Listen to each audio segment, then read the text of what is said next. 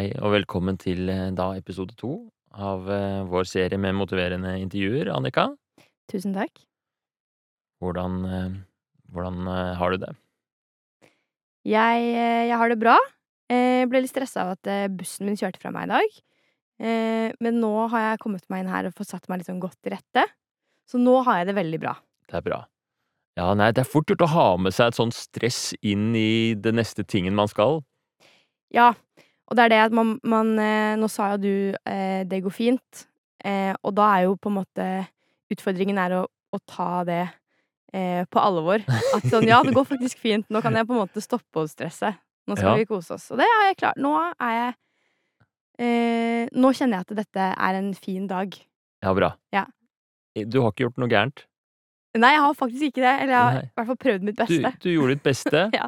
og det er ikke verdens undergang at eh, vi starter 15. Det er nesten Jeg tror faktisk det er litt bra hvis, eh, at vi Ja. ikke starta så tidlig på morgenen som vi hadde tenkt. Ja, men så bra. Eh, Skal vi oppsummere litt eh, bare mm, forrige samtale? Det går Mhm. jo det, Selv om det ikke er så mange uker siden, så skjer det jo ting siden sist. Så hva er det du husker fra da vi snakka sammen sist? Jeg husker at vi gikk gjennom disse mm, fordelene og ulempene med å ha det sånn som jeg har det nå, og fordelene og ulempene med eh, hvis jeg endrer meg. Det husker jeg. Og så husker jeg at eh, eh, jeg egentlig skulle starte på det opplegget, men så eh, begynte du å freestyle litt, og du ba meg om å ikke starte på opplegget, men kun bruke disse to ukene på å prøve å få oversikt over penger jeg har brukt. Eh, det husker jeg også veldig godt. Ja, så det var um, prosjektet, den endringen som det er snakk om, er at du har lyst til å ha kontroll på økonomien også, sånn at vi har det liksom Mm. eh, klinkende klart. Det startet vel med at du kjøpte deg leilighet, Mm. og det satte i gang en ikke panikk, men en slags et behov, i hvert fall, for å få en viss oversikt, og en følelse av at her er det litt for kaotisk for min komfort. Ja, Det stemmer. Eh, litt for eh, mye unødvendig bruk av penger. Eh, som jeg nå ser at det blir veldig Hvis jeg skal fortsette med det nå, som jeg skal betjene et lån, da kommer det til å bli et lite behagelig liv å leve. ja Og det, du vil ha et behagelig liv, Jeg vil jo det. Altså, Ja. hvem vil ikke ha et behagelig liv? med overskudd Ja. For underskudd. Ja. Både økonomisk og fysisk og psykisk. Mm. Ok. Ehm, husker du hva som var liksom Hva sitter Eller hvis vi bare kjapt går gjennom de der fordel-ulempe-spørsmålene Vi trenger ikke å ta alle fire, men hvis du skulle fått til en endring, da, og fått mm. det sånn som du vil, hva er liksom hovedfordelen for deg med det? Det er jo eh, større frihet til å gjøre ting som er kanskje enda viktigere for meg, sånn i et litt større perspektiv. Eh, spare til å dra på ferie. Eh, eh, og, og også trygghet. Det å ha mu mulighet til å kunne fylle opp en bufferkonto, de tingene der, sånn at jeg har råd Hvis vaskemaskina mi ryker, da, så kan jeg liksom eh, At jeg har liksom voksne ting, på en måte. Men jeg er jo i ferd med å bli en voksen, så da føler jeg at da må jeg eh, oppføre meg deretter. På enkelte ting, i hvert fall. Ja, så ok, men jeg sanser både litt sånn ting som er viktig for deg, du har lyst til å reise og har råd til å reise, Mm. og du har lyst til å føle deg trygg, og så er det også litt sånn at du føler at du må at du føler at du burde liksom nå, for å være voksen, passe inn Ja, i voksenlivet. Ja, Og òg fordi at eh, jeg lever i den tiden jeg lever i. Altså, det er jo veldig sånn eh, eh, Med renta som bare stiger og stiger, og eh, prisene på absolutt alt som stiger og stiger, og Det er jo litt sånn usikkert, så det er jo ikke rart at det, eh, Jeg føler mye på det, og jeg, jeg vet også at det er jo en veldig vanlig ting for unge å føle på i dag, er jo litt sånn stress og bekymring knytta til eh, økonomi. Så, Ja, så jeg føler på en måte. Hadde jeg klart å få litt, sånn, litt mer kontroll, så ville jeg kanskje klart å så eh, slappe av litt mer og føle meg trygg og Ja, for det er et sånt stressmoment, og det, Ja. som jeg tror veldig mange kjenner seg igjen i, den derre øh, at det I hvert fall når, når prisene stiger og man ikke kan gjøre noe med det. mm. Og hvordan skal man klare seg? Ja, men bra. Um, og hvis vi tar kjapt, hva var hovedulempene for deg med å gjøre en endring?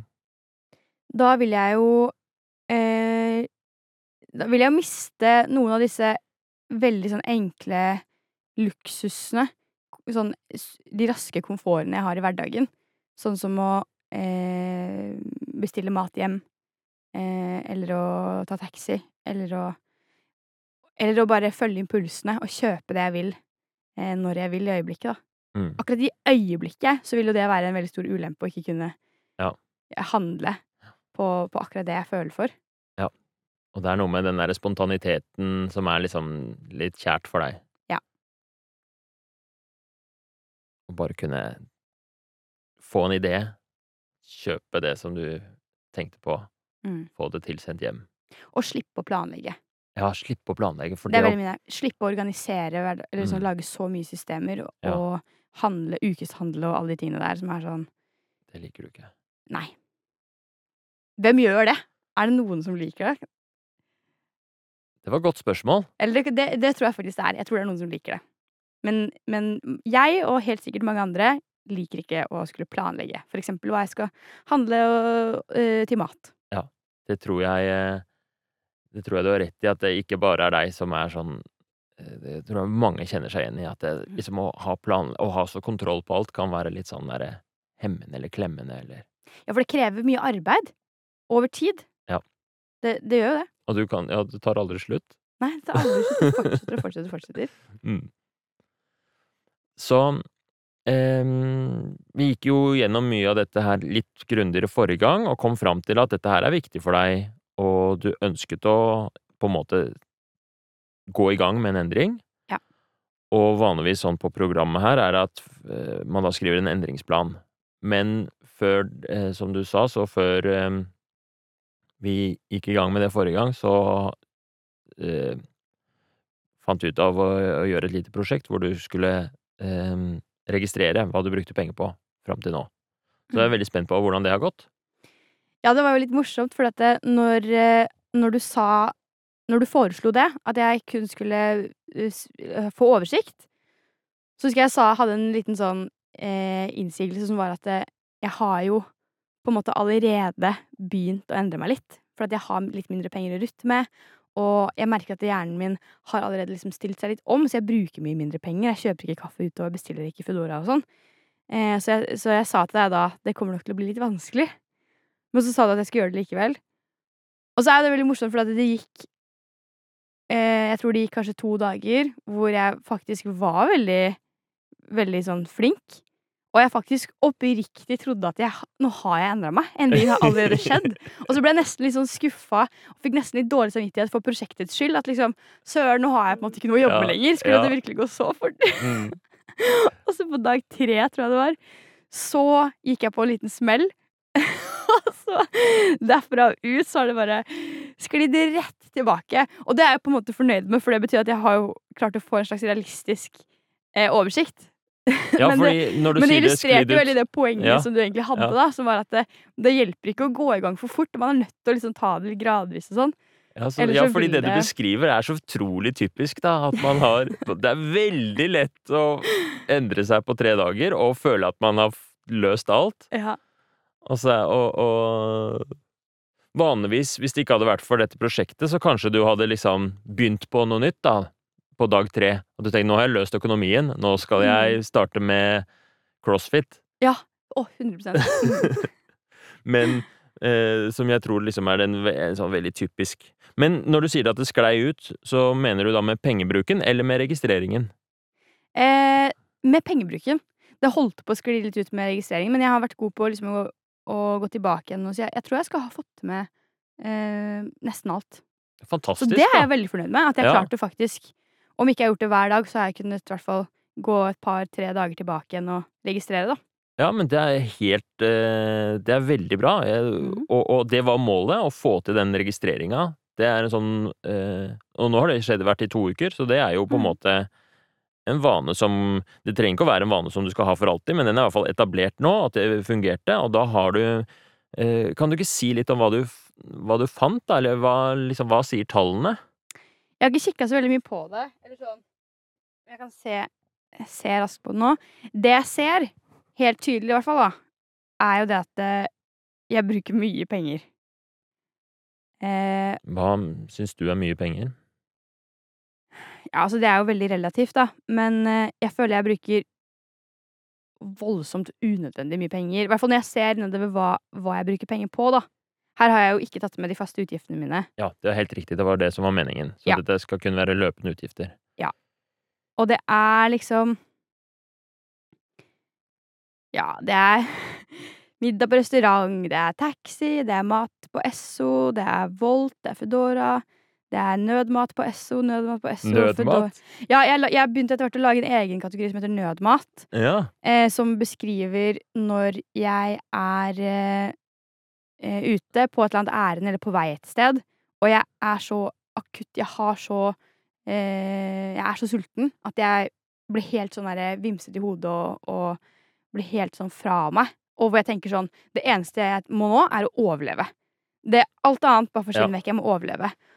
Og da om jeg så må dra på Esso, da, eller på Narvesen, eller hvor som helst, så må jeg bare gjøre det, fordi nå handler det om overlevelse. Du trenger nødmat. Det er nødmat. Ja, den var et veldig fint begrep. Det tror Ja, jeg- og den er det mye av, da.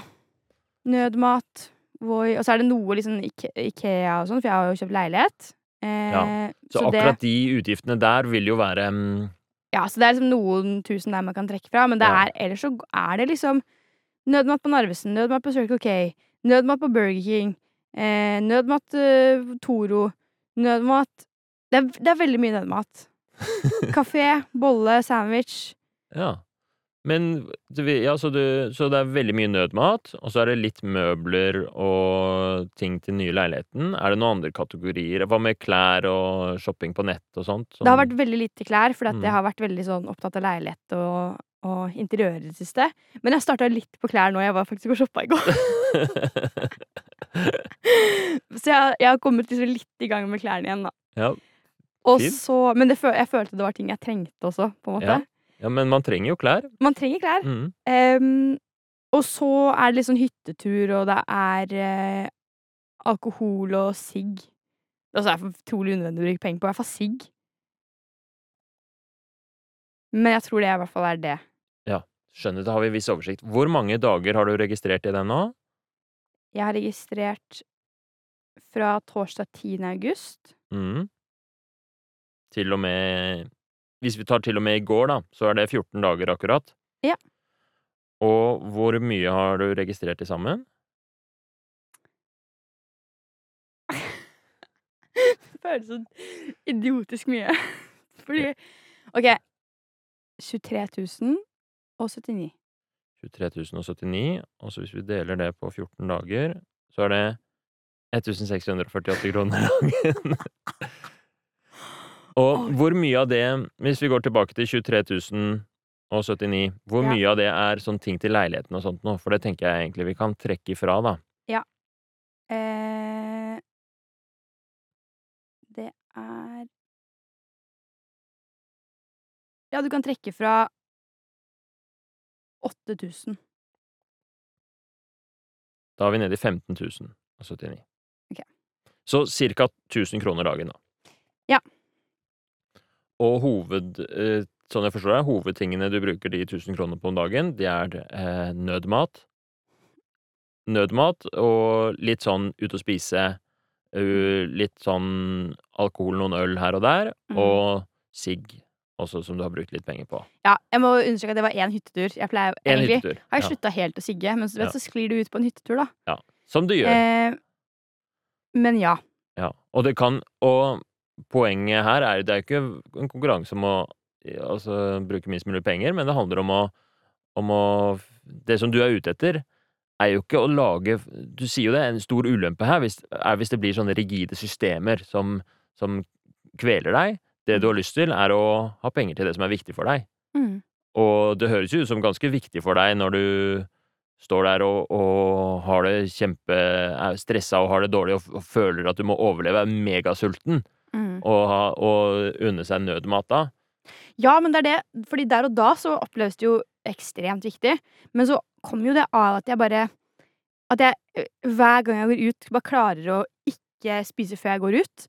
At jeg liksom spiser frokost. Det er sånn typisk at jeg spiser frokost på morgenen, og så skal jeg ut og gjøre et eller annet, ut og gjøre et ærend, men jeg bruker så lang tid på å komme meg ut av huset at når jeg først har kommet meg ut, så burde jeg nesten egentlig ha spist et nytt måltid. Men så tenker jeg Så har jeg på en måte glemt hvor lang tid det har gått siden sist jeg spiste. Og så havner jeg i den knipa hver gang. Så jeg, jeg kan jo på en måte se nå eh, at det er så utrolig unødvendig, da. Og så ser jeg også da på, på det jeg har registrert her, at det, det er jo ganske mange ting jeg ikke har brukt penger på, som jeg vanligvis liker å bruke penger på. Altså sånn mer klær, eh, mer liksom konserter, mer liksom dra ut eh, Dra ut på liksom arrangementer. Eh, jeg har jo ikke vært en eneste tur, eh, flydd og besøkt kjæresten min. Det er jo ganske mange ekstra kostnader da, som jeg har Mm. gått glipp av. Så hvis jeg skulle på en måte adda det på toppen av dette her unødvendige greiene her, det ville jo blitt krise. Ja. Og det er jo det som Da går du plutselig i minus, og Ja. når du legger da på litt økte uh, utgifter til uh, De faste utgiftene er Mm. større nå enn de var for deg før, mm, så um, Så går du i minus, og det vil man jo ikke. Nei. Så jeg, jeg skjønner at dette her dette, Jeg syns dette er kjempebra. Du har, veldig, du har gjort veldig gode registreringer, og det er egentlig den aller viktigste jobben. Mm. Og så nå kan du jo um, etter hvert um, fram til neste gang, eller i løpet av denne samtalen, så kan du bestemme deg for en eller annen endring du har lyst til å innføre. Hvis du allerede nå har lyst til å begynne å spare på et eller annet, da. Og bruke Ja. mindre penger på et eller annet. Men det jeg tenkte vi kunne gå gjennom først, bare som en sammenligning, hvis du vil, så kan vi gå gjennom det som er um, Det finnes en sånn inst eh, Nå husker jeg ikke hva den heter. Det finnes en sånn referansebudsjett fra uh, Økonomidirektoratet eller et eller annet sånt noe. mm, eh, Statistisk sentralbyrå, som sier hvor mye som er liksom en vanlig forbruk. Ja. Um, så det hadde vært kanskje interessant å sammenligne med. Ja. Og um, kanskje interessant for lytteren også å høre liksom hva som er et vanlig uh, forbruk på en måned. mm, Og når du bruker um, ca. 1000 kroner dagen, mm. så er det ca. 30 000 kroner i måneden på løpende utgifter, da. Shit. Ja, så det er ganske mye. Ja. Og det som er et For når man Når det er sånn en husholdning med én kvinne mellom 20 til 30 år, så det tenkte jeg var deg, Ja. så uh, er liksom En sånn referansebudsjett er på 12 000 i måneden. Ja, ikke sant. Så det vil si du har 1000 kroner dagen, referansebudsjettet er 400 kroner dagen. Ja. Men jeg tror, de, jeg tror mange vil synes at det er ganske stramt, fordi hvis vi kan gå gjennom hva, hva som det liksom er satt av penger til da, så er det satt av 4000 cirka til mat og drikke, Mm, så det er litt over 100 kroner dagen til mat. Ja. Så jeg tror ikke den referansepersonen har råd til noe særlig nødmat da, liksom. Nei, det høres jo ikke sånn ut. Mm. Men de bruker litt på andre ting òg. Klær og sko, 1000 kroner måneden. Ja. Personlig pleie, Åh, ja. det er jo viktig, ja, den har jeg også. Det har jeg nesten ikke brukt penger på, men jeg begynner å gå tom for sjampoer og sånn, ikke sant? ikke sant? Åh, krise. Så det skal man bruke 1000 kroner måneden på. Ja. Lek og mediebruk, det er sånn kino Ja, og abonnement på Det er noe annet som heter mediebruk og fritid. Men hvis man tar de til sammen, da, så lek og mediebruk og mediebruk og fritid, som da inneholder eh, alt av eh, abonnementer på Netflix og bøker og kino og sånt noe, så er det eh, til sammen nesten 4000 i måneden. Så Mm. det er nesten det samme som mat. Men det har jo, virker som du har veldig lite Ja, men jeg har ikke registrert Jeg har tenkt på det som liksom faste utgifter, det nesten. Ja. Men det gjør egentlig jeg også. Men det er jo egentlig Det trekkes jo faktisk fra kortet mitt, så jeg kunne jo lagt til det. Men, Ja, men jeg tror vi, det, Jeg også liker å ha det som faste utgifter, for det er ikke noe øh, men, men kino og sånt noe, det og konserter og sånt noe, går under her, da. Ja, og det har det jo vært litt lite av nå. Jeg har jo vært veldig opptatt med flytting, så jeg har jo på en Mm. måte ikke levd livet så mye som jeg vanligvis liker å gjøre. Reise 1000 kroner i måneden cirka. Så da tenker man sånn cirka et månedskort på bussen. Mm. Eh, men det blir jo fort over det hvis det er taxier og taxitur og sånn, da. Hvor, Ja. Var det veldig mye taxi, eller var det sånn Nei, det var ikke veldig på 14 mye. dager? Hvor mange taxiturer? Jeg tror ikke det var så mye. Det var et par i starten. Eh, og så ikke så mye etter det. Men der igjen, ikke sant? jeg er jo ikke tilbake i hverdagen. Jeg har ikke starta på jobb. Jeg har ikke starta med det kjøret hvor jeg skal rekke ting og eh, Ja, så, men jeg tror For det første så tror jeg det er veldig vanlig å få en sånn derre litt overveldende følelse første gang man registrerer pengebruken sin. Fordi det er Altså, man Som menneske så vil man etablere seg vaner ut ifra Særlig sånn som deg, da, som har hatt fulltidsjobb. Altså, har ikke levd det der studentlivet hvor du røyner på på lenge, liksom. Mm. Så blir det sånn at det kalles lifestyle inflation. At de pengene man får inn, det er umulig å ikke At det ikke blir forbruket sitt. Ja, Med mindre man skjønner. tar noen aktive grep. Så jeg tror Mm. absolutt alle i din situasjon ville sannsynligvis havnet i det samme, at, at forbruket blir større enn sånt referanseforbruk. Mm. Og så mm, er det jo også i en veldig stressende flytteprosess som du har vært igjennom nå, hvor du har flytta fra en leilighet til en annen, Mm. Og det er stressende for de fleste, men jeg tror også for deg så er det en sånn ting som kan ta litt sånn ekstra på en måte overhånd over hverdagen i den ti- tidsperioden. Mm. Veldig vanlig at man bruker mye mer penger da enn i en hverdagsperiode, hvor det ikke er sånne svære prosjekter på gang. Ja. Og så er det noe med det å ikke ha et kjøkken som er rydda, eller sånn at det er kaos hjemme, da. Det gjør det vanskeligere å lage mat. Definitivt. Så det har jo vært noen sånne flyttedager hvor vi bare har vært sånn Shit, vi må bare Vi må bare få noen Foodora hit.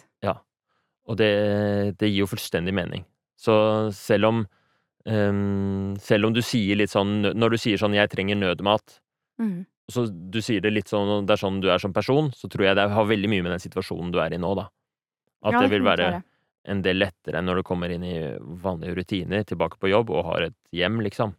Mm. Um, så, det, så jeg er veldig imponert over uh, registreringa du har gjort. Tusen takk. og, og at du har fått på plass det. Og, og det virker som du har fått litt ut av det allerede ved å få litt sånn innsikt i, i, i forbruket. Mm. Det har jeg. Så før liksom, vi bestemmer oss for å gå i gang med en endring og begynne å skrive endringsplan, da, som Mm. for eksempel kan dreie seg om å redusere bruk av nødmat, eller redusere bruk av taxi, eller det kan være hva som helst, Mm. Eh, kan også være å fortsette med registrering av eh, forbruk. Anyways, før vi går i gang med det, så har jeg lyst til å eh, snakke litt om mestringstro med deg, fordi det er sånn Når vi skal gjennom en endring, så er det en sånn veldig viktig del av motivasjonen, er at man har troa på at man kan få det til. Mm. Og i og med at eh, Jeg tror dette er første gangen du har gjort et sånt en sånn stor økonomisk endring i livet, eller dette prosjektet er ganske nytt for deg, Ja. så er det fint å ha med seg eh, en eller annen mestringshistorie fra før. Så eh, bare for de som ikke kjenner til det, så er det sånn at jeg er veldig opptatt av eh, våre mestringshistorier, og at vi bruker de når vi skal gjøre en endring. Så for eksempel hvis en person skal slutte å røyke, så kan han ta i bruk sine tidligere erfaringer med å gjøre andre ting, for eksempel hvis han har bestått et studie, eller fått til noe. Og ved å bruke sine tidligere mestringshistorier, så øker det sjansen for at man får til seinere endring. Mm. Det var litt sånn veldig kort fortalt, men, eh, men eh, det er et sånt konsept i motiverende intervju også. Så det som hadde vært fint, er å trekke litt på mm, en eller annen erfaring du har hatt eh, det siste året, kanskje, eller eh, hvor du har gjennomført et eller annet som du er litt stolt av. Og så skal vi bruke det som en sånn hjelp i den videre endringen. Oi! Det var et godt spørsmål. Det er nesten litt vanskelig å komme på. Ja, det er sånn- vanskelig å komme på, så det, det trenger ikke å Det er ikke så viktig akkurat hva det er, og det trenger ikke å være relevant, men det er liksom Hvis, hvis noen hadde spurt deg sånn Hva er du fornøyd med fra året som har gått, da? Av liksom noe som du har gitt litt innsats til, eller fått til, eh, fått til greit, liksom. Det kan være i karrieren, det kan være eh, hobbybasert, det, hva som helst. Men et eller annet som gir deg en litt sånn god følelse av selvtillit, da.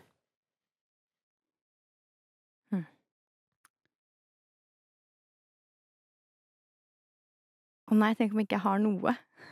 Ja, så det Det er på en måte relativt, da, ikke sant? Så du har noe. Så det er bare hva som Hva som gir deg en litt god følelse av å tenke på, av ting du har gjort de siste årene, liksom. For eksempel, du har jo klatret masse. Ja, jeg tenkte akkurat på det. Mm. Jeg kom på Det er jo faktisk en ting jeg eh, er litt stolt av at jeg har klart å fortsette med så lenge. Jeg tror jeg starta sikkert for sånn tre år siden, kanskje. Og jeg, har, jeg klatrer fortsatt. Og at eh, eh, Ja, eh, kjæresten min var litt opptatt av at jeg skulle bli litt sånn tøffere på klatring, eller pushe meg litt mer.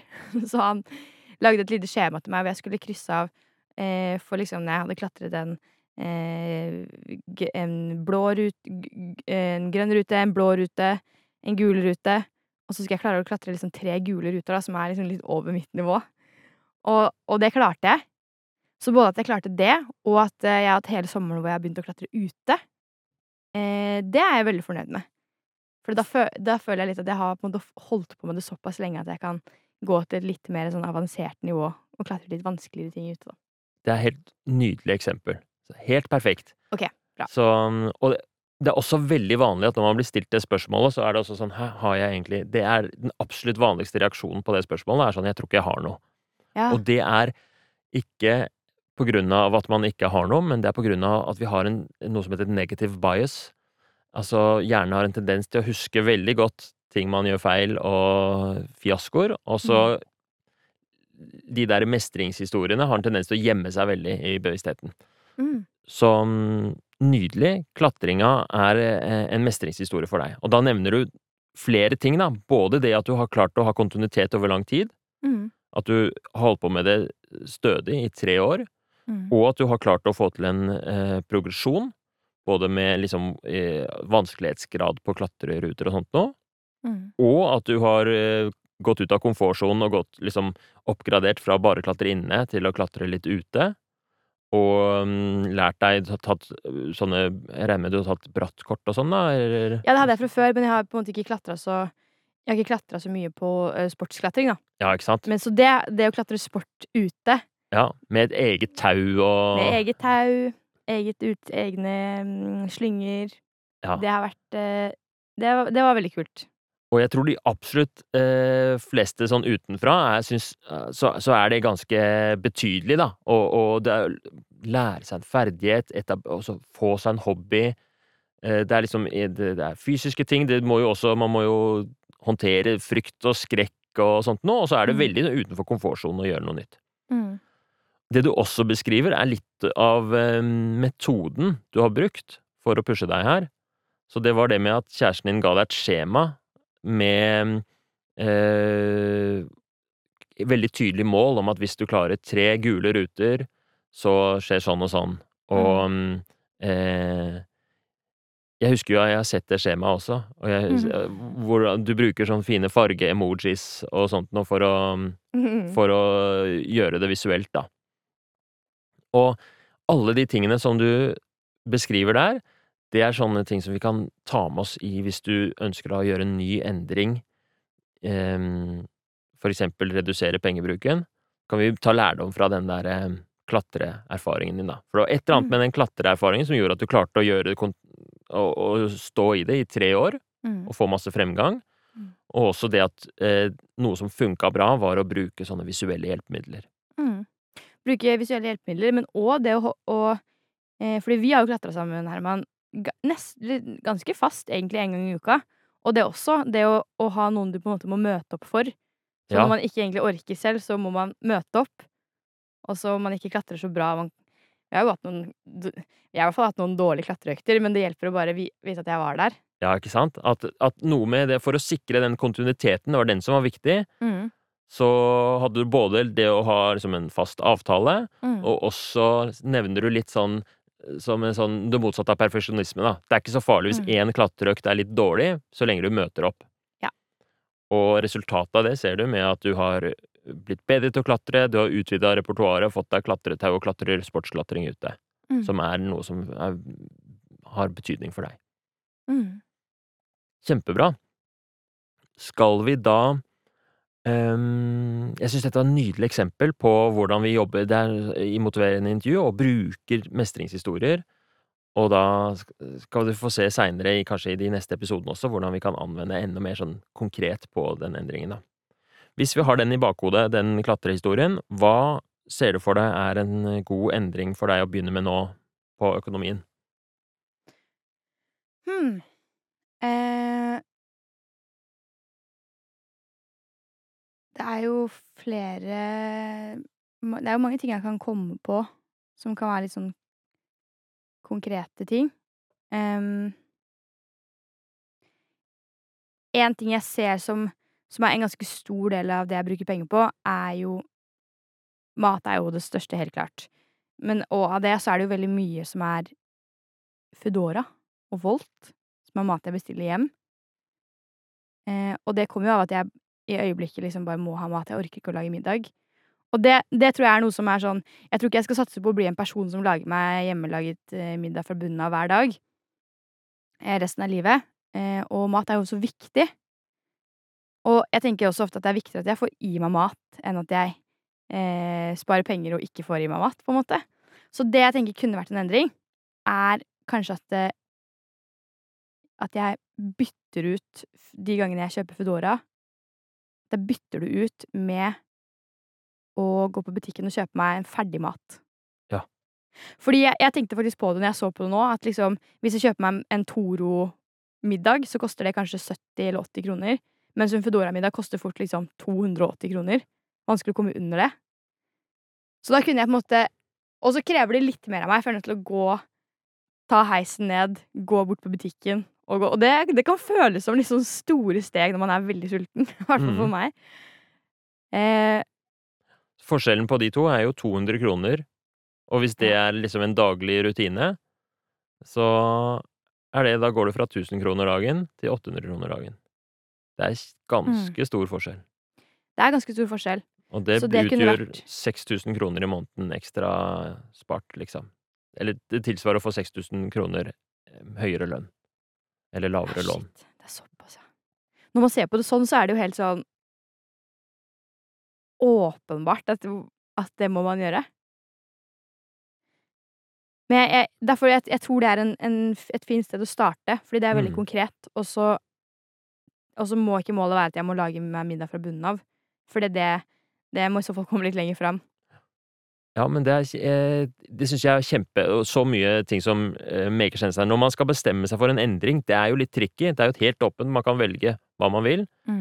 Så er det eh, fint å velge noe som på en måte er viktig og betyr noe for deg, men at det er realistisk, og at det er en god start. Så, litt sånn som med den klatrehistorien. Du begynte ikke med uteklatring på egne slynger uke to.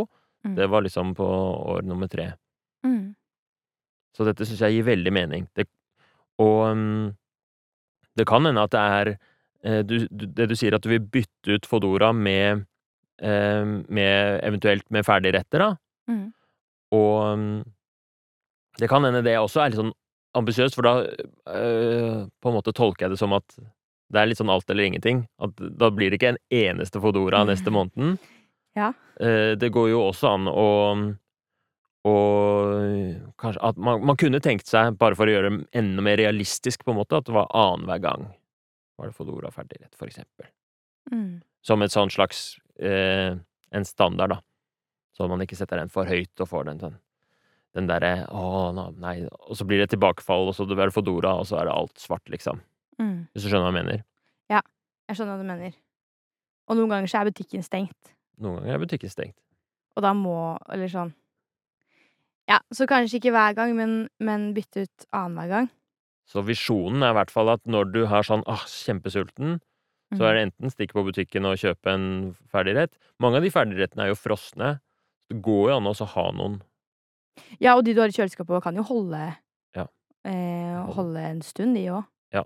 Så det kunne jo kanskje vært en idé å, å faktisk kjøpe inn flere Det er bare det at det, det å gå på butikken og kjøpe inn masse ferdigretter føles eh, Det føles så patetisk, for det føles som at jeg ikke kan ta vare på meg selv eh, og gjøre på en måte voksen ting. Så, da, så det vil jeg ikke gjøre, for jeg vil tenke sånn ah, Jeg burde jo klare å lage mat. Ja, ikke sant? Men så Det er flaut til- å kjøpe disse posene med ferdigretter eller Toro-supper, Ja, istedenfor å ikke sant, ha vært Se på meg med mine gulrøtter og sellerier og råvarer, ikke sant? Men der tror jeg vi var inne på en veldig viktig barriere. Ja. Fordi, fordi det er flaut å kjøpe tre ferdigretter, så gjør du det ikke. mm, Og så havner du da i situasjonen hvor du kjøper Fodora isteden. mm. Eh, Ja, så det er kanskje det. Men det, det husker jeg en gang jeg hørte noen si, eh, som jeg syntes var et lurt sånn råd, og det var at eh, hvis noe er eh, viktig nok, så er det viktig nok til å kunne gjøre det halvveis. Og, og litt sånn tenker jeg med mat, da. Akkurat Det er fort å tenke liksom, ja det er, det er kjempefint å strebe etter å leve et sunt liv og, og få i seg sunn mat, eh, men det er bedre å få i seg eh, ferdigmat enn å ikke få i seg mat. Nemlig. Så fantastisk. Jeg likte veldig godt det sitatet. Husker du hvem det er fra? Den eh, Jeg husker ikke hvem det er fra. Jeg, jeg husker jeg hørte det på en eller annen podkast eller noe sånt som handlet om ADHD. Ja. Eh, hvor Hvis man noe er viktig nok, så Hvis det er viktig nok. Så hvis du skal for eksempel rydde, det er viktig Ja. å rydde, det er bedre å rydde dårlig Ja. enn å ikke rydde. Kjempefint. Eh, det er bedre å, å møte opp på klatring og, og sitte og skravle i halvannen time, sånn som jeg gjorde i går med en venninne, enn å ikke møte opp. Mm. Fordi det er viktig for meg å komme meg ut. Så når det kommer til ehm, til dette, så kan du bruke erfaringen som du har både fra den klatringen og generelt, om at eh, dette er viktig for deg. Viktig Mm. for deg å få kontroll på økonomien og um, ha oversikt, ha den tryggheten og ha råd til tingene som du har lyst til. Den reisen med kjæresten, liksom. Mm. Og da er du villig til å stå i butikken og synes det er litt flaut, eller kjøre en litt sånn halvveisløsning med noe ferdig mat. Ja. Jeg også spiser ferdig mat. Jeg syns det er helt topp. Ja, og jeg husker også når jeg så på det derre eh, eh, kost, eller programmet til Else Kåss, Mm. Helsekost Furuseth, så var det faktisk en ernæringsfysiolog der eller noe sånt som sa at eh, det er jo ikke så mye av ferdigmaten du får kjøpt. Det er ikke så ille heller. Det er jo liksom poteter og grønnsaker og, og kjøtt, liksom. Ja, det er ganske vanlig mat. Det er ganske vanlig mat. Ja. Og Så det tenker jeg er helt fint, og, og, og, og jeg, syns det er en veldig eh, lur målsetting du har satt deg, da. Ok, bra. Mm. Så eh, da tenker jeg at vi eh, setter en ny avtale om to uker, Mm. cirka, og at em, vi bruker denne her em, Gjerne fortsette å registrere, men da er det Holder vi oss til dette målet her, da, om at det er kun Fodora til ferdigmatbytte. Det er ikke noe sånn Mm. Det er veldig fort gjort å få overtenning, ikke sant, og så skal du begynne å spinke og spare på alt mulig annet òg. Så fortsett å bare gjøre som normalt med alle andre utgifter. For eksempel taxi og restaurant og hytteturer med alkohol og sigg. Mm. Og så er det denne endringen her som du konsentrerer deg om, og for å få en skikkelig Det er litt morsomt, egentlig, fordi da jeg spilte inn motiverende intervjukurset på podkast med liksom en sånn ekspert som heter Solveig Høeg Krohn, det var Helsedirektoratet sitt kurs, Mm. så skulle jeg stille som å bli intervjuet av henne. Og da var det akkurat det samme endringen. Jeg skulle slutte med Fodora. Å, er det sant? Ja. Klarte du det? Jeg tror det er eh, kanskje et år siden sist jeg har kjøpt noe på Fodora. Wow. Men det har vært eh, Det var ikke sånn Det var ikke clean eh, Det var frem og tilbake. Ja. Som det alltid er. Et, rotete, et litt rotete brudd? Ja. Ok, så det vi gjør da, er at eh, hvordan, hvor, hvordan føles det? Hvor viktig føles den endringen, den lille endringen for deg nå? Den føles, eh, den føles viktig, og den føles også grei. Men så føles den viktig av, som du sa, at det er eh, eh, At det er eh, Det blir ganske mye penger veldig fort, da. Som man kan bruke på andre ting. Eller bare sånn Det hjelper å samle det opp og se hvor mye blir det i løpet av en måned, hvor mye sparer jeg i løpet av to måneder. Eh, så jeg tror det, det blir veldig spennende å se hvordan jeg eh, Hvordan jeg skal forholde meg til den endringen i de situasjonene som er, blir vanskelig, da. Men er sånn, jeg gleder meg litt til å teste det. Ja. 72 000. Det er det det blir i løpet av et år. Hvis man bestiller hver dag. Hvis du bytter ut Fodoraen med, med en pose eller en Toro hver dag Ja, det er jo helt sykt. Det kan man jo dra på en skikkelig ferie med. Ja, da kan du dra til 72. Raylay Beach og klatre i en måned Ja, for to personer. shit. Så eh, kjempebra. Um, da tenker jeg også at du uh, fyller ut den der endringsplanen for Mhm. denne endringen. Så um, du kan enten melde deg på det e-postkurset, da får du én hver dag, eller så kan du uh, prøve å bare laste ned en endringsplan. Det er en sånn mal på nettsiden min. Så kan du bare laste Mm. ned den og fylle den ut egentlig i dag, og så følge Mm. den. Men skal jeg fylle den ut bare for eh, denne endringen som er Foodora? Eller skal jeg fylle den ut for Ja. Så kun for Eller det som er endringen for Duora, er liksom det nederste som er delmålet. Ja. Um, så du kan Ja, jeg syns egentlig du vil fylle ut hele bare for den Fodora-endringen. Og så har vi den som en sånn konkret prosjekt nå. Og så Men et, et av de punktene i den planen er å lage en visjon. Så det som hadde vært fint, var at hvis du sendte til meg, så kan vi lese opp den neste gang. Fordi den visjonen vil jo være litt mer overordna. Ja, første... For skal den handle om eh, overordna, om penger og det og Ja, så en sånn visjon Så da får du en litt eh, krevende oppgave, fordi nå eh, Dette er veldig viktig at du spør om, fordi dette er sånn typisk som eh, folk lurer på. Ja. Og det er Man har Veldig typisk så har man en sånn stor overordna endring, ikke sant. Jeg vil få kontroll på økonomien, mm. og så eh, snakker man om det og reflekterer og tenker over det, sånn som du har gjort nå. Mm. Og så kommer du fram til at ok, det som er det første steget, er eh, å gjøre eh, Fodora bytte ut det med, med ferdigretter. Og så vil ikke det være hele endringen med å få kontroll på økonomien, men det er en viktig del av det. Og sånn som em, jeg liker å leke det opp da, er at du har en visjon som går på den hele den overordna endringen, og så har du fordeler og ulemper knytta til det, men så har du også milepæler, og det vil være en typisk sånn milepæl på veien Mm. en sånn em, et sånn steg på veien til å liksom leve ut visjonen din. Ja.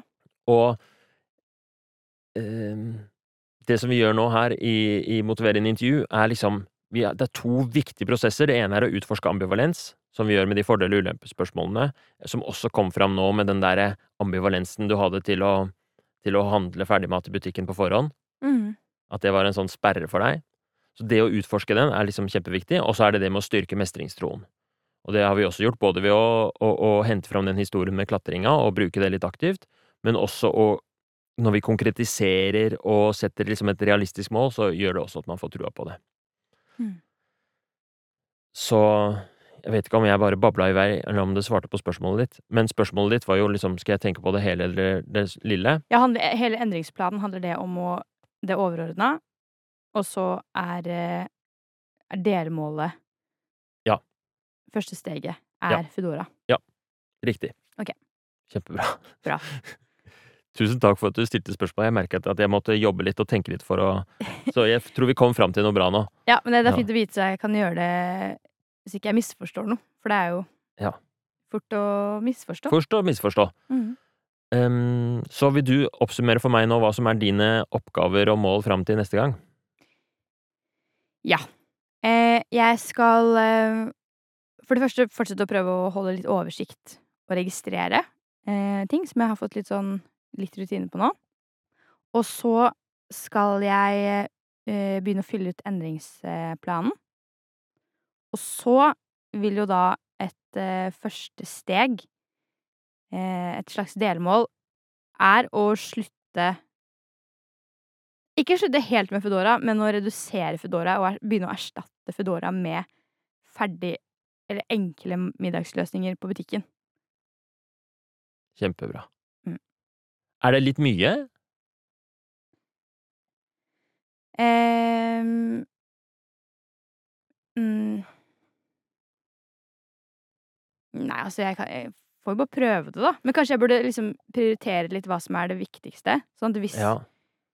Jeg fikk litt følelsen av at det var litt mye nå, at, blitt, øh, at vi har blitt revet med. At, fordi det som jeg vanligvis pleier å gjøre, og jeg veit ikke helt hvorfor jeg eh, vek fra den som, Det som jeg vanligvis pleier å gjøre, er at, Mm.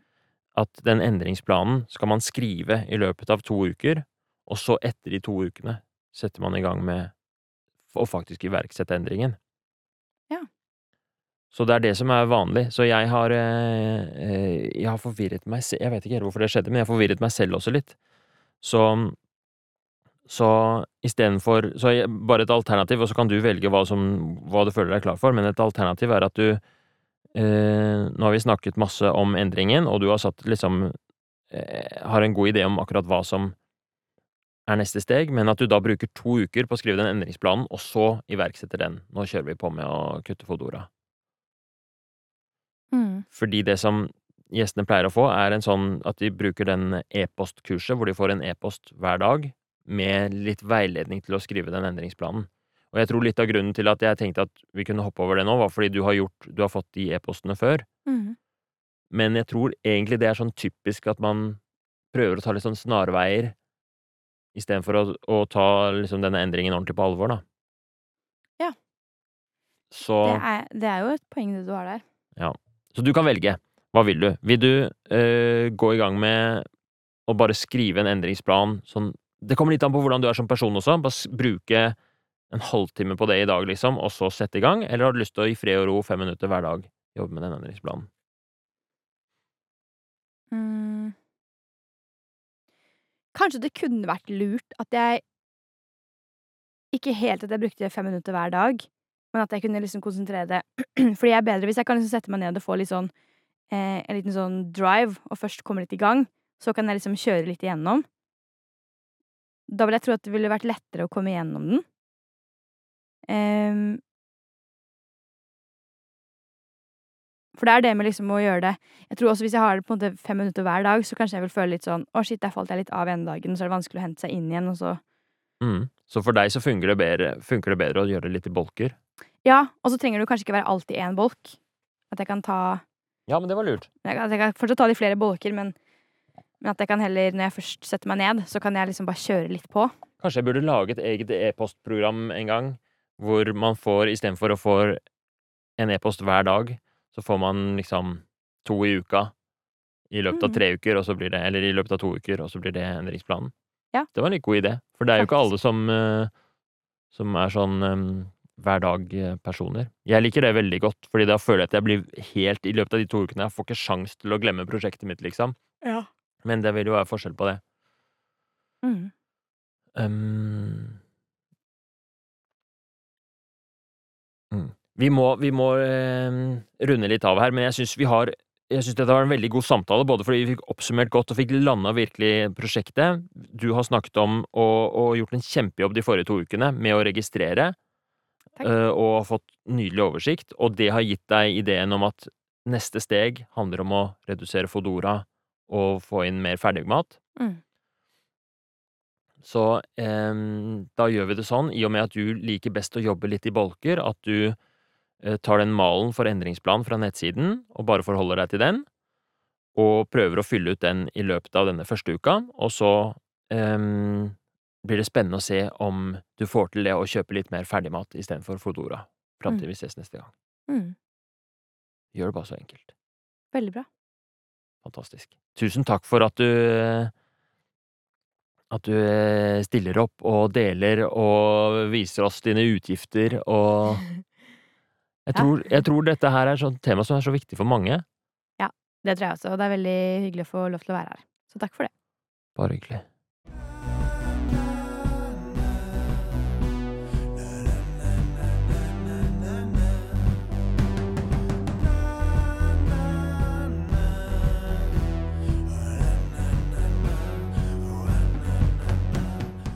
Ok, det var da samtale to med Annika.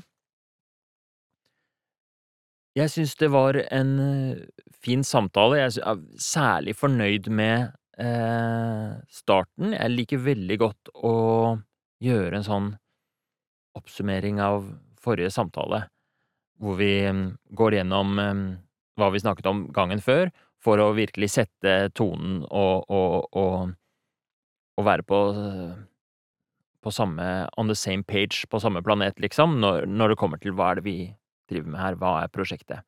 Det var jeg fornøyd med. Og så var jeg veldig imponert over Annika sin innsats siden sist, at hun hadde klart å registrere all pengebruken sin i to uker. Det er jo en ganske sånn eh, en krevende intervensjon, eh, som krever mye av henne, at hun må følge opp eh, hele tiden. Så det var kjempebra. Så utrolig interessant å se hva hun hadde brukt penger på, og alle de innsiktene hun hadde om sin egen pengebruk, tror jeg var veldig viktig. En viktig del av denne prosessen, som handler om å få kontroll på økonomien. Så det var bra.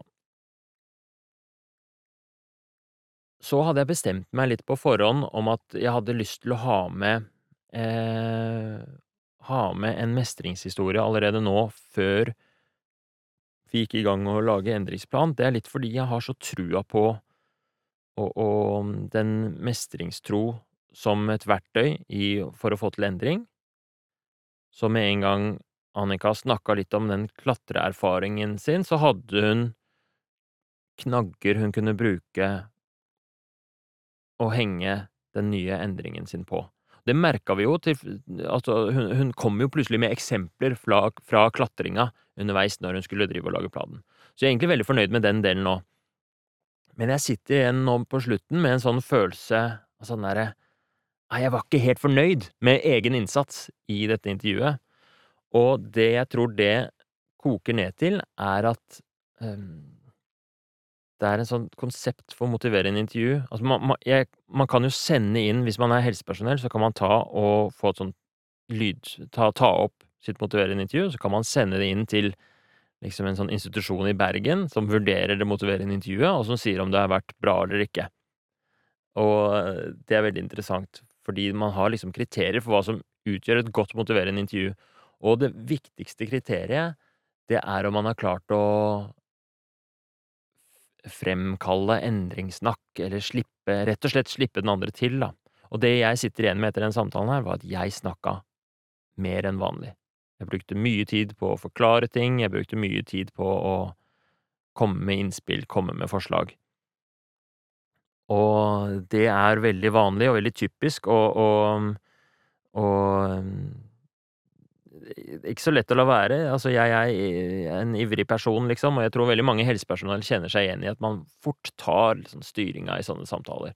Og, og så den følelsen sitter jeg hjemme. Jeg hadde snakka mye, og det hadde vært bedre om jeg, særlig liksom mot slutten der når vi lagde plan, stilte mer åpne spørsmål og reflekterte mer, sånn at Annika fikk litt mer plass der til å designe sin egen plan. Det ble litt mye at jeg tok styringen og sa sånn skal du gjøre, sånn skal du gjøre, dette er lurt.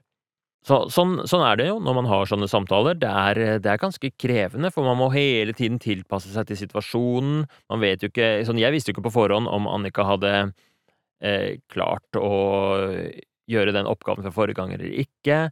Jeg visste ikke helt hva altså Man vet aldri hva slags eh, humør, energi den andre kommer i. Man vet jo kanskje ikke hva slags humør eller energi man har selv alltid. Så så det er helt greit at det skjer sånn at man, eh, ting ikke går helt etter planen, eller at man sitter igjen med en følelse av at eh, jeg skulle kanskje snakka litt mindre. Men jeg tror resultatet av en sånn samtale, fordi vi har Eh, motiverende intervju har så veldig tydelige rammer, og vi kan forholde oss til ambivalensfirkanten, ikke sant, og vi kan forholde oss til mestringstro, og vi har liksom en helt klart og tydelig en mal for en sånn endringsplan, så går det jo greit uansett, da. Så det som jeg er veldig fornøyd med at vi fikk til på slutten, var at selv om eh, jeg syns jeg kløna det litt til, så fikk jeg i hvert fall sagt til Annika fordi det ble en sånn, Vi lagde en sånn plan til neste gang som ble veldig mye at jeg kom med forslag. At jeg fikk spurt sånn Ja, hva er det egentlig Du kan velge hva funker for deg. Og så fikk hun tilpasset den litt etter sitt behov, da, sånn at det med at hun ønsket ikke å få få e-post hver dag og gjøre endringsplanen, fordi det har hun gjort før, og hun ville heller skrive den litt i bolker, og så um, og så har vi da en avtale om to uker.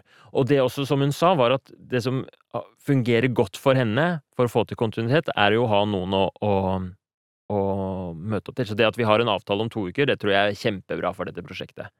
Hvis det hadde vært fire uker, for eksempel, så kunne det hende det var litt lenge. Så, så det var jo også en nyttig ting som kom fram når vi snakka om den mestringshistorien med klatring. Det at hun sa at det å ha en ukentlig avtale i det tilfellet er noe som har bidratt til kontinuiteten, og det tror jeg blir viktig her òg. Så derfor er det en kort periode til, til neste samtale. Jeg er så glad for at vi har en, en episode om økonomi her nå. Jeg tror eh, Annika har helt rett i at dette er noe som treffer veldig mange for tiden. Når, det biter i de som har boliglån, som har boliglånsrenter, og de som ikke har boliglån, så er det høyere leiepriser og høyere priser på alt. Og eh, å kunne få kontroll på økonomien på en måte hvor man ikke føler at man lever i en sånn tvangstrøye av at man må spinke og spare på alt, men at man kan klare å bruke penger på det som faktisk betyr noe. Altså at Annika han har veldig lyst til å ta seg råd til en reise, men, men da må hun kanskje få, få, få til noen Finne ut av hva er det jeg bruker penger på, hvilke endringer kan jeg gjøre, og det er liksom så fantastisk konkret, nydelig endring hun har valgt seg ut, det med å bytte ut Fodora med eh, varianter som kanskje er eh, rimeligere, da. Og så smart at hun sier at for min del så blir det litt urealistisk å gå liksom rett fra Fodora til at jeg skal lage hjemmelaget middag helt fra bunnen av hver dag. Så for meg er det et lurt triks å kjøpe ferdigretter, eh, Toro, Findus, den type, type ting, da. Kjempesmart. Tusen takk for eh, til dere som, eh, som hører på. Um, hvis dere ønsker å gjøre endringer i livet, så er det da på nettsiden min hermanegenberg.com, så er det masse ressurser. Hvis du scroller helt ned, så er det mal for endringsplan. Det er mulighet til å melde seg på et sånt e-postprogram hvor du får en veiledning hver dag i 14 dager til hvordan du skal fylle ut denne endringsplanen. Det er nesten som en slags sånn kurs i endring. Eh, jeg har også et eh, nyhetsbrev.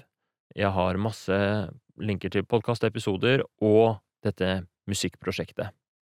Og vi så jo her nå hvor viktig denne mestringstroen, det at hun klarte å reflektere over en tidligere erfaring, merka dere det? Hvordan Da jeg spurte Annika hva er det du har fått til som du er litt fornøyd med, det første hun tenkte var sånn hm, nei, det er jo ingenting, hva hvis det ikke er noe? Og sånn er det for oss alle, vi har disse mestringshistoriene våre langt bak. Tenk deg da Annika, ikke sant, NRK, kjendisprogramleder, så ekstremt intelligent, kapabel person, går rundt og føler at det er kanskje ikke noe særlig jeg har fått til som jeg er stolt av. Måtte virkelig tenke, grave, jobbe. Derfor så har jeg laget albumet Mestringstro, og det som er meningen med den, er at du får masse spørsmål og historier og refleksjonsøvelser som prøver å hjelpe deg å få de historiene litt fram. For hvis man får de historiene litt fram, hvis man blir litt mer bevisst på at fy søren, jeg får til ting i hverdagen. Hvis man klarer å huske de små eh, tingene man lykkes med, så blir det så mye lettere å håndtere utfordringene man står i i hverdagen. Det er skikkelig drivkraft. Det er øh, forskjellen på å føle at du møter opp med tomt batteri, og føle at du møter opp med masse juice og klar til aksjon. Det er dagens lille tips. Det er det albumet Mestringstro. Det er masse forskjellige album til forskjellige behov. Det finnes album for uh, takknemlighetsøvelser, for å utforske ambivalens, eh, for å få utløp for potensialet sitt. Eh, så, så, se gjennom den profilen på, på, Spotify eller hvor enn du hører musikk, men mestringstro, det er den jeg vil gi lite tips om å teste ut i dag. Ålreit, ha det bra.